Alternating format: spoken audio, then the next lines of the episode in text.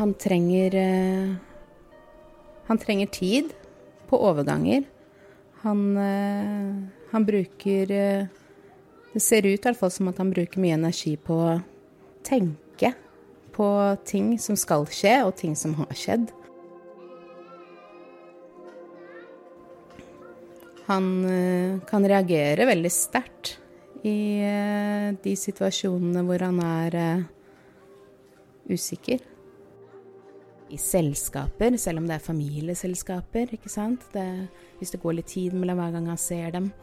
Eh, I butikker, i, i, alle sånne nye settinger, så ser vi en forsiktig gutt, da. Ja.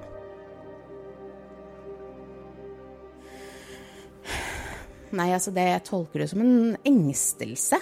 Eh, men om det er det, vet jeg ikke. Men det er tydelig at det er eh, han sier at han er redd. Klamrer seg fast, vil dra hjem, vil gå bort.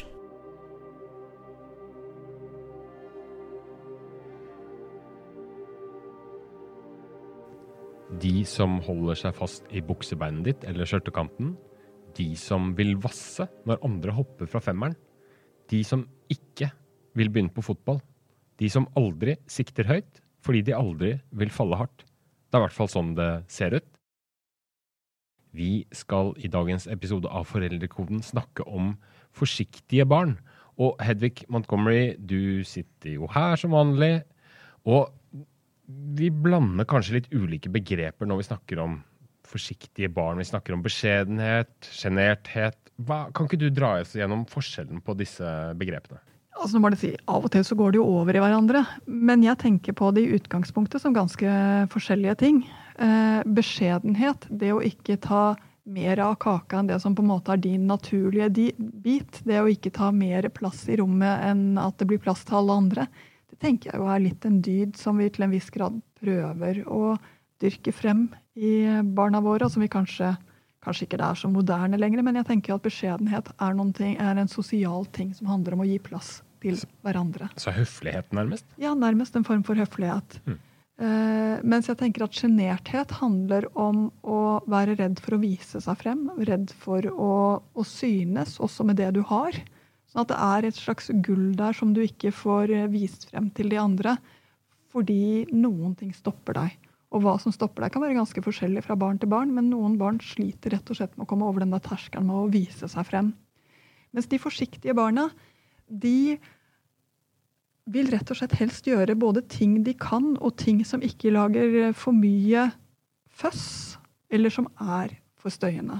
Så det er ofte barn som vi sliter litt med å få inn i eh, den der bølgen av unger som vi sliter med å få til å trives i bursdagsselskapet, som vi sliter med å få til å trives eh, på den overbefolkede stranden. Det er rett og slett de barna som også gjerne holder seg på det nivået de er, fordi de er redde for å gå et skritt opp. For akkurat dette kan jeg jo. Hvor stor andel av barnebefolkningen kan vi si er forsiktige barn? Det er jo et godt spørsmål, og det kommer litt an på hvordan vi måler. Men et litt røft anslag vist, sier at det er ca. en femtedel, altså 20% altså en ganske stor andel av barna som er mer forsiktige, mer engstelige, avventer litt mer. Uh, og hvor foreldrene i større eller mindre grad opplever at det er vanskelig at de ikke får barna til å gjøre det samme som de tenker at alle andre gjør. Og så er det klart, Hvor mange dette er plagsomt for, er jo mindre enn de 20 prosentene.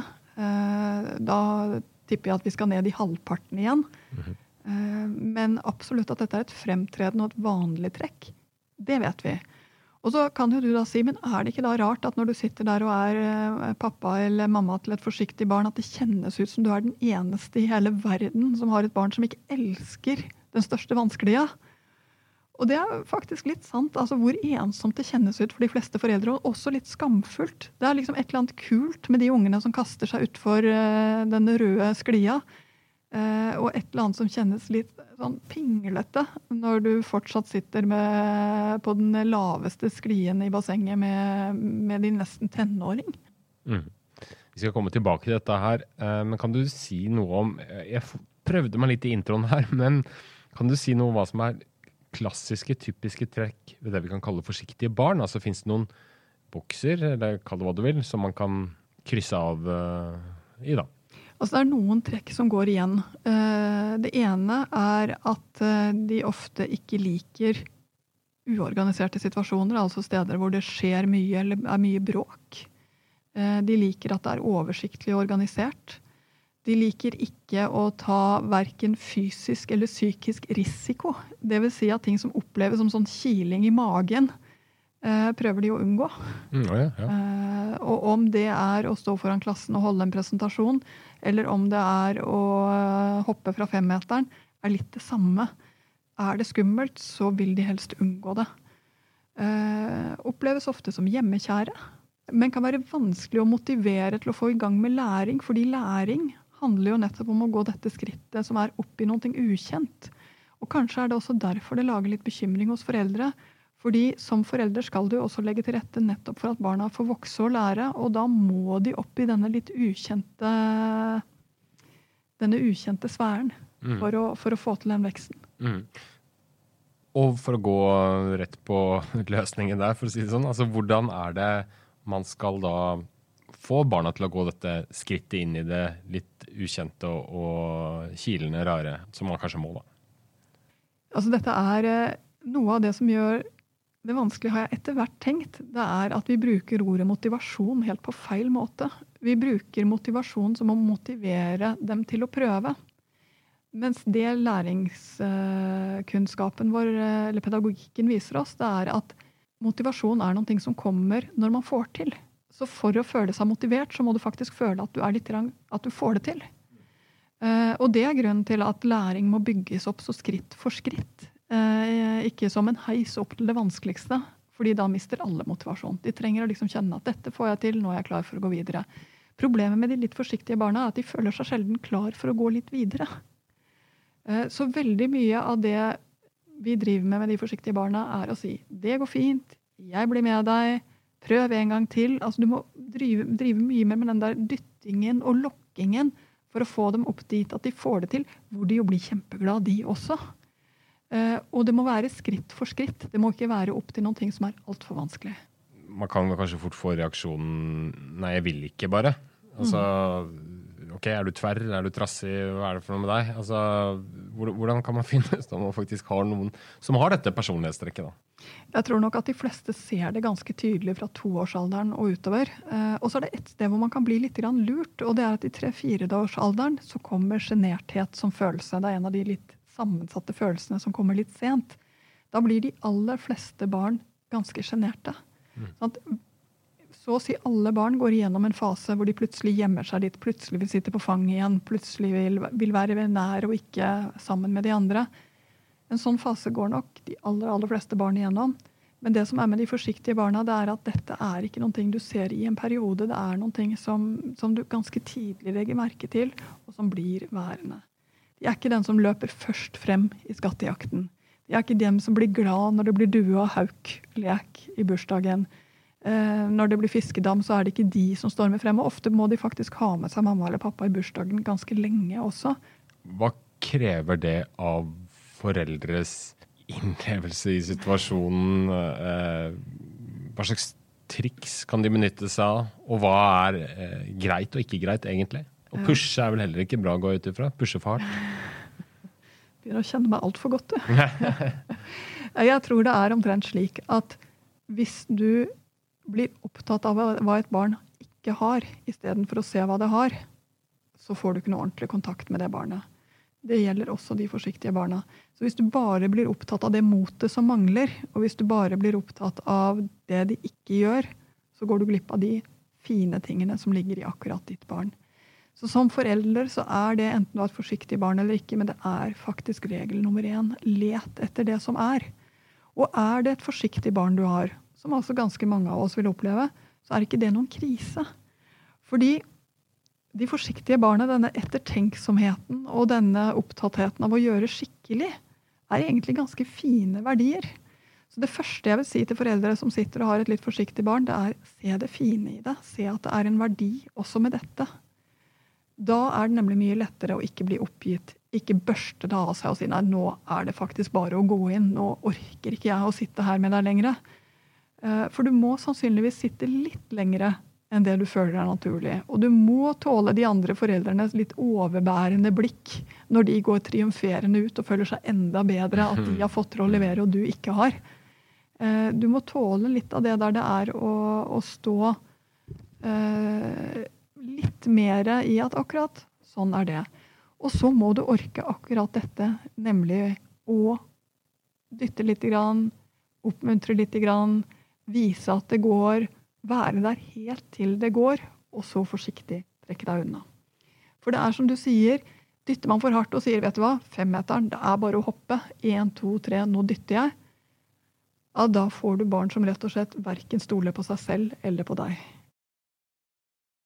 Når blir barna selv bevisst på at de kanskje ikke er like modige, like frampå som alle andre, og hva gjør det eventuelt med dem? Fra seks-sjuårsalderen så skjer det noe med barn. De går fra å være i den de er og det de gjør, til å begynne å se seg selv også fra utsiden. Og de begynner også å sammenligne seg med andre barn. Trude tør å hoppe, jeg tør ikke. De begynner liksom å, få dette blikket her. Eh, ofte ganske uten noen store fakter rundt det, men, men, for de forsiktige barna så kan dette føre til mye sånn Ja, rett og slett litt skam og spesielt hvis dette er noe som gjør det vanskelig for dem i skolehverdagen, eh, så, så, kan det gjøre at det blir noe Nå står jeg her alene i skolegården igjen. Så jeg tror nok at denne forsiktigheten i perioder kan være noe av det som gjør det vanskelig å gå på skolen, f.eks. For, for noen. Eh, det å bli kastet inn i en kartleggingsprøve for et forsiktig barn kan oppleves som kjempevanskelig. Eh, mens alle de andre barna i klassen bare gjør det. Eh, så du har perioder her hvor de, hvor de, virkelig trenger at du som mamma eller pappa skjønner at hva, skjønner at det er litt vanskelig for deg enn for alle de andre. Men hør på læreren. Ta første spørsmålet først på arket. Se om du får det til, så går du videre til neste. De trenger mer av den type beroligelse og forståelse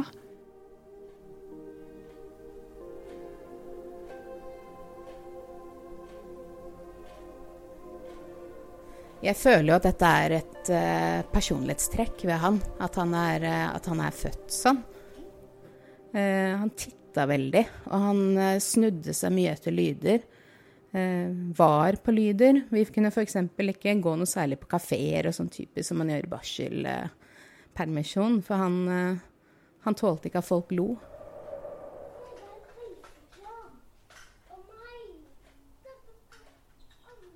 Første gang jeg følte det som en ordentlig utfordring, var da han skulle begynne i barnehagen. Da var han 16 måneder. Eh, og da sitter jeg jo med en forventning til hva som er normalt for et barn som begynner i barnehage. Og jeg følte fort at mitt eget barn falt utenfor den normalen. Jeg, ikke noe, jeg trodde ikke det var noe galt med han, men jeg så at dette kan bli en utfordring. Han gråt og han kastet opp, nesten daglig. Eh, helt fram til jul. Altså fra august og fram til jul. Vi har jo prøvd alt, tror jeg, men vi har funnet at det hjelper ikke å pushe. Det hjelper ikke å presse på for mye. Um, vi kan snakke litt om det i forkant, men vi kan ikke snakke for mye om ting, fordi da kan det bikke andre veien. Så må finne en sånn balanse. Jeg føler at jeg hele tiden går og balanserer Altså, samfunnet har jo på en måte en forventning til hvordan et barn skal oppføre seg i de gitte aldersgruppene, ikke sant? Og da når man sitter der og egentlig føler at man er en god mor og møter sitt barn der han er, og, og, og ser allikevel disse reaksjonene hans komme, og ser hvor, hvor utrygg han i hvert fall kan virke, da, ikke sant? Og du føler disse blikkene i nakken fra de andre foreldrene og tenker at uh, de må jo tro at uh, jeg har verdens mest utrygge barn. Verdens dårligste relasjon med, med gutten min. Eller, uh, eller at jeg har gjort noe gærent her. Eller presser han altfor hardt, og her har ikke han lyst til å være. Ikke sant? Vi har et veldig godt forhold, og jeg føler at jeg har en veldig trygg og god gutt på veldig mange områder. Han er superempatisk. Han er veldig familiekjær. Han er, eh, han er verdens beste storebror og så glad i vennene sine. Eh, så de utfordringene han har, det skal vi klare å takle, tenker jeg. Ja.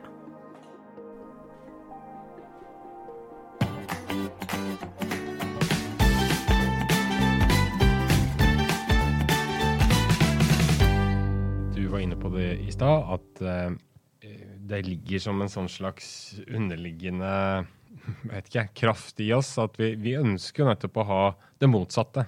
Altså utadvendte, tøffe, selvstendige barn som tar den største sklia da, eller hopper fra femmeren eller tieren eller hva det nå måtte være. Eh, og at dette her med å være forsiktig blir sett på som en, noe uønska og, en, og en sånn, kanskje en svakhet. Hvorfor er det sånn, egentlig? Ja, det der er jo interessant. Eh, hvordan Pippi-figurene, de som går på og sier 'det har jeg aldri gjort før, så det kan jeg', eh, blir løftet frem som vår tids helter.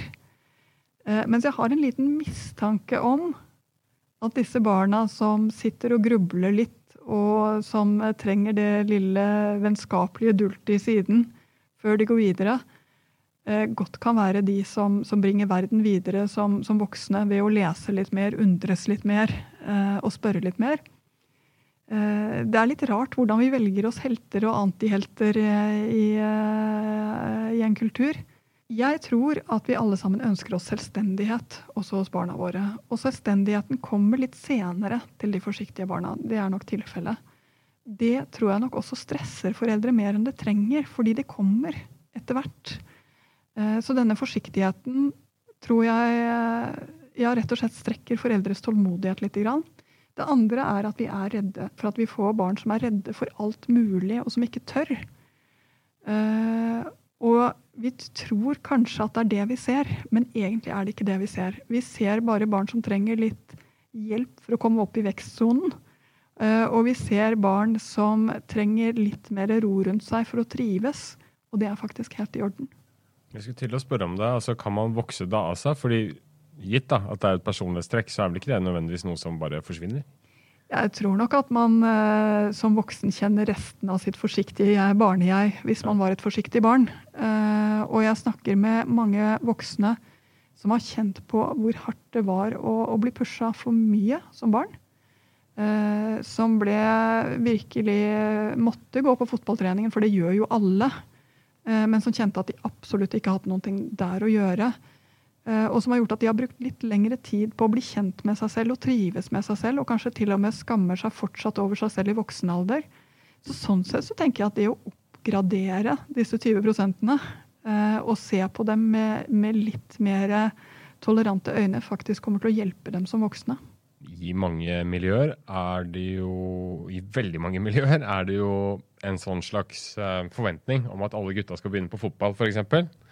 Jo da, og, det, og mange miljøer som har alle jentene på håndball og alle, eller alle jentene på fotball. Håndball. Det er mye fysisk. altså I Norge står fysisk aktivitet høyt i kurs.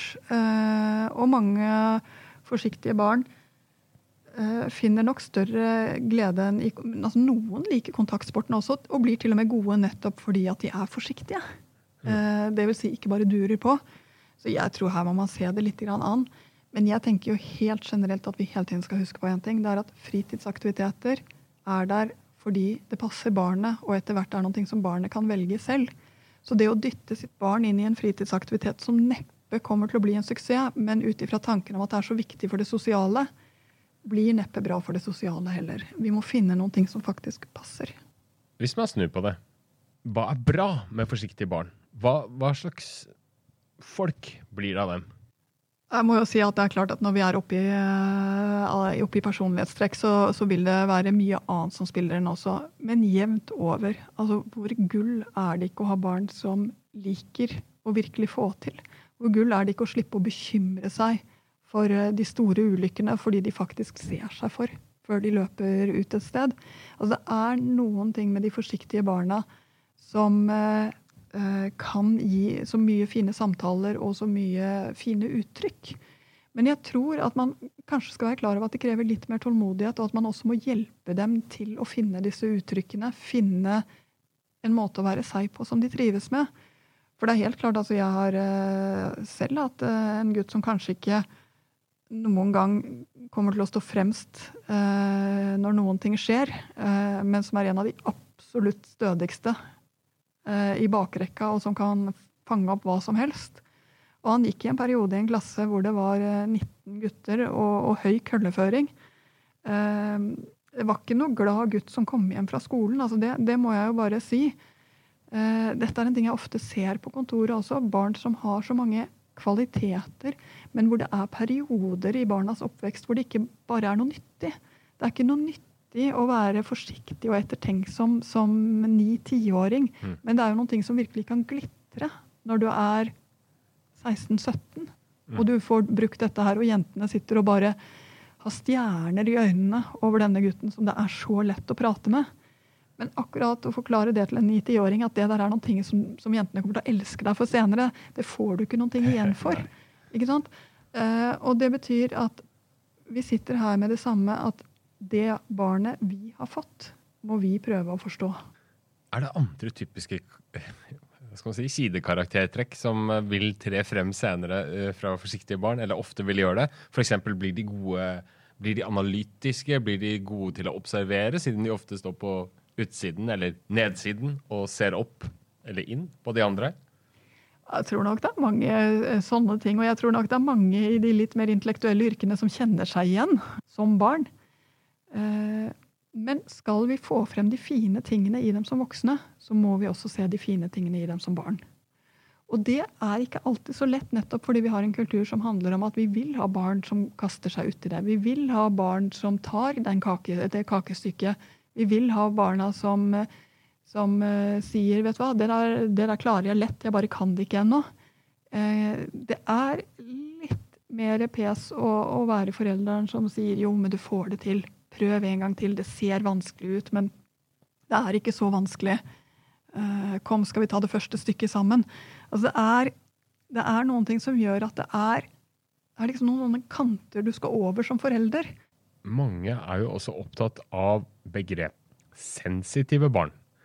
Og jeg har inntrykk at det av og til brukes litt som en sånn universalforklaring på de fleste problemstillinger. Hva er egentlig sensitive barn, og har det noen parallell til dette med forsiktige barn? Ja da. Eh, personlighetstrekkene er jo mer eller mindre det samme. Eh, og handler jo egentlig om det samme, nemlig at du skal faktisk prøve å hjelpe det barnet du har fått, ikke det barnet du ønsket at du fikk. Eh, og så er det også klart at det som gjør det skummelt, er når barna føler at de blir stående alene. Eh, altså at måten du er på, går det ikke an å være. Eh, du får bare komme tilbake igjen når du har endret deg. Eh, jeg tror nok de sensitive barna som begrep kommer fra en tid hvor barn som ikke var helt innenfor A4-malen, eh, er blitt etterlatt, hvis du skjønner hva jeg mener. Mm. Du skal klemme tante selv om du ikke liker eh, tante, og selv om du ikke liker å bli klemt. De har blitt mye invadert. Og den følelsen av invasjon er nok ganske skadelig for barn, også på dette nivået. Så, sånn sett så tenker jeg at, eh, at denne sensitive barn-tenkningen har noe for seg fordi den sier noe om at vi skal faktisk se barnet vårt an og hjelpe det frem, sånn som det er. Og la være å invadere det eller se på det som en feilvare. Samtidig så er de inne på noe der, og det er at måten man bruker sensitive barn på, i hvert fall i noen kretser, gjør at den nærmest blir en form for diagnose. Mm. Ja, men du skjønner, han er så sensitiv, så vi må ta hensyn til det. Og da er vi plutselig ute av det som blir vekstsonen, og det som blir sunt. Ikke la beskrivelsen av barnet bli en hemsko som faktisk hindrer barnet fra på et eller annet tidspunkt å vise frem en ny blomst eller en nytt mot. For du spurte om man kunne vokse det av seg. Det kan i hvert fall endre seg veldig mye med årene. I takt med at de får til, i takt med at de går disse skrittene, i takt med at de opplever at de faktisk står ganske stødig. Så det å finne veien dit er det vi ser etter, ikke å finne problemene med dette. Hvis du står da i en situasjon hvor du eh, f.eks. Eh, har en jeg vet ikke, fem-seksåring som eh, skal gå på svømming, men så låser det seg hver eneste gang han ser bassenget, og han bare vil sitte på fanget og hyle og skrike. Og så kan det jo hende at han til slutt blir med, og at etterpå så er det ja, dette var en tipp topp opplevelse. Men så skjer det samme på nytt igjen neste gang. Hva, hva slags mekanismer er det som er i spill da? Ja, jeg tror dette har nok det gitt grå hår til mange foreldre i fortid. Eh, jeg tror det er to ting å tenke her. Det ene er at noen barn trenger mye trygghet for å gjøre ting de ikke kan. Og da må vi orke å gi dem den tryggheten. Det andre er å tenke ingen grunn til å være først ute med alt mulig rart. Kanskje er denne, det kommer dette svømmekurset et halvt år eller et år for tidlig. Prøv igjen senere. Eh, hvis du kjenner at dette er mer enn det vi orker akkurat nå, å holde på med denne trøsterunden gang på gang på gang. To år etterpå kan situasjonen ha endra seg da? Ja, ja. Eh, ofte så har den det også. Eh, og hva som endrer, er av og til litt rart. En litt forsiktig gutt jeg var borti, hvor nettopp dette med svømmingen ble en kjempeknute for han. Han kom plutselig til, på en ferie hvor det var varmere i vannet. Og plutselig så var det ikke noe problem i det hele tatt. Og så viste det seg at det var rett og slett temperaturen som hadde vært problemet for ham hele veien. Uh, og etter at han da hadde lært seg å svømme i litt varmere strøk, så var det plutselig greit å svømme her i, i det kalde vannet også. Oppmuntre, prøve igjen, ikke gi opp for fort. Og prøve å se om det faktisk er noe som passer ditt barn. Det er en tid eh, for alt. Også å oppsummere dagens episode. De tre beste tipsene til foreldre, Hedvig, som har forsiktige barn i hus. Hva er det? Det første er eh, å vite at det faktisk er din oppgave å lage den trygge starten for barnet. Igjen og igjen og igjen. Eh, og å vite at det kommer til å gå bedre etter hvert. Det andre det er at finn måter å oppmuntre på som ikke inneholder 'så flink du er', så fantastisk at du fikk det til, men som tvert imot er 'du, prøv, prøv igjen', jeg står her helt til det går'. Og da trengs det ikke så mye mer. Det tredje er 'så heldig du er'. Da tenkte jeg at jeg skulle legge på et lite tips selv på tampen. Hvis du har en gutt eller jente som ikke er så glad i å rekke opp hånda, som vegrer seg for å prøve noe nytt, som gruer seg til å gå i bursdager, eller gruer seg til det bøllete snakket i garderoben på fotballen. Hva skal det bli av han, da, kan du tenke bekymra. Vel, han kan jo alltids bli journalist og være med og lede en podkast om barneoppdragelse, virker det sånn. Ha en fin uke. Vi høres.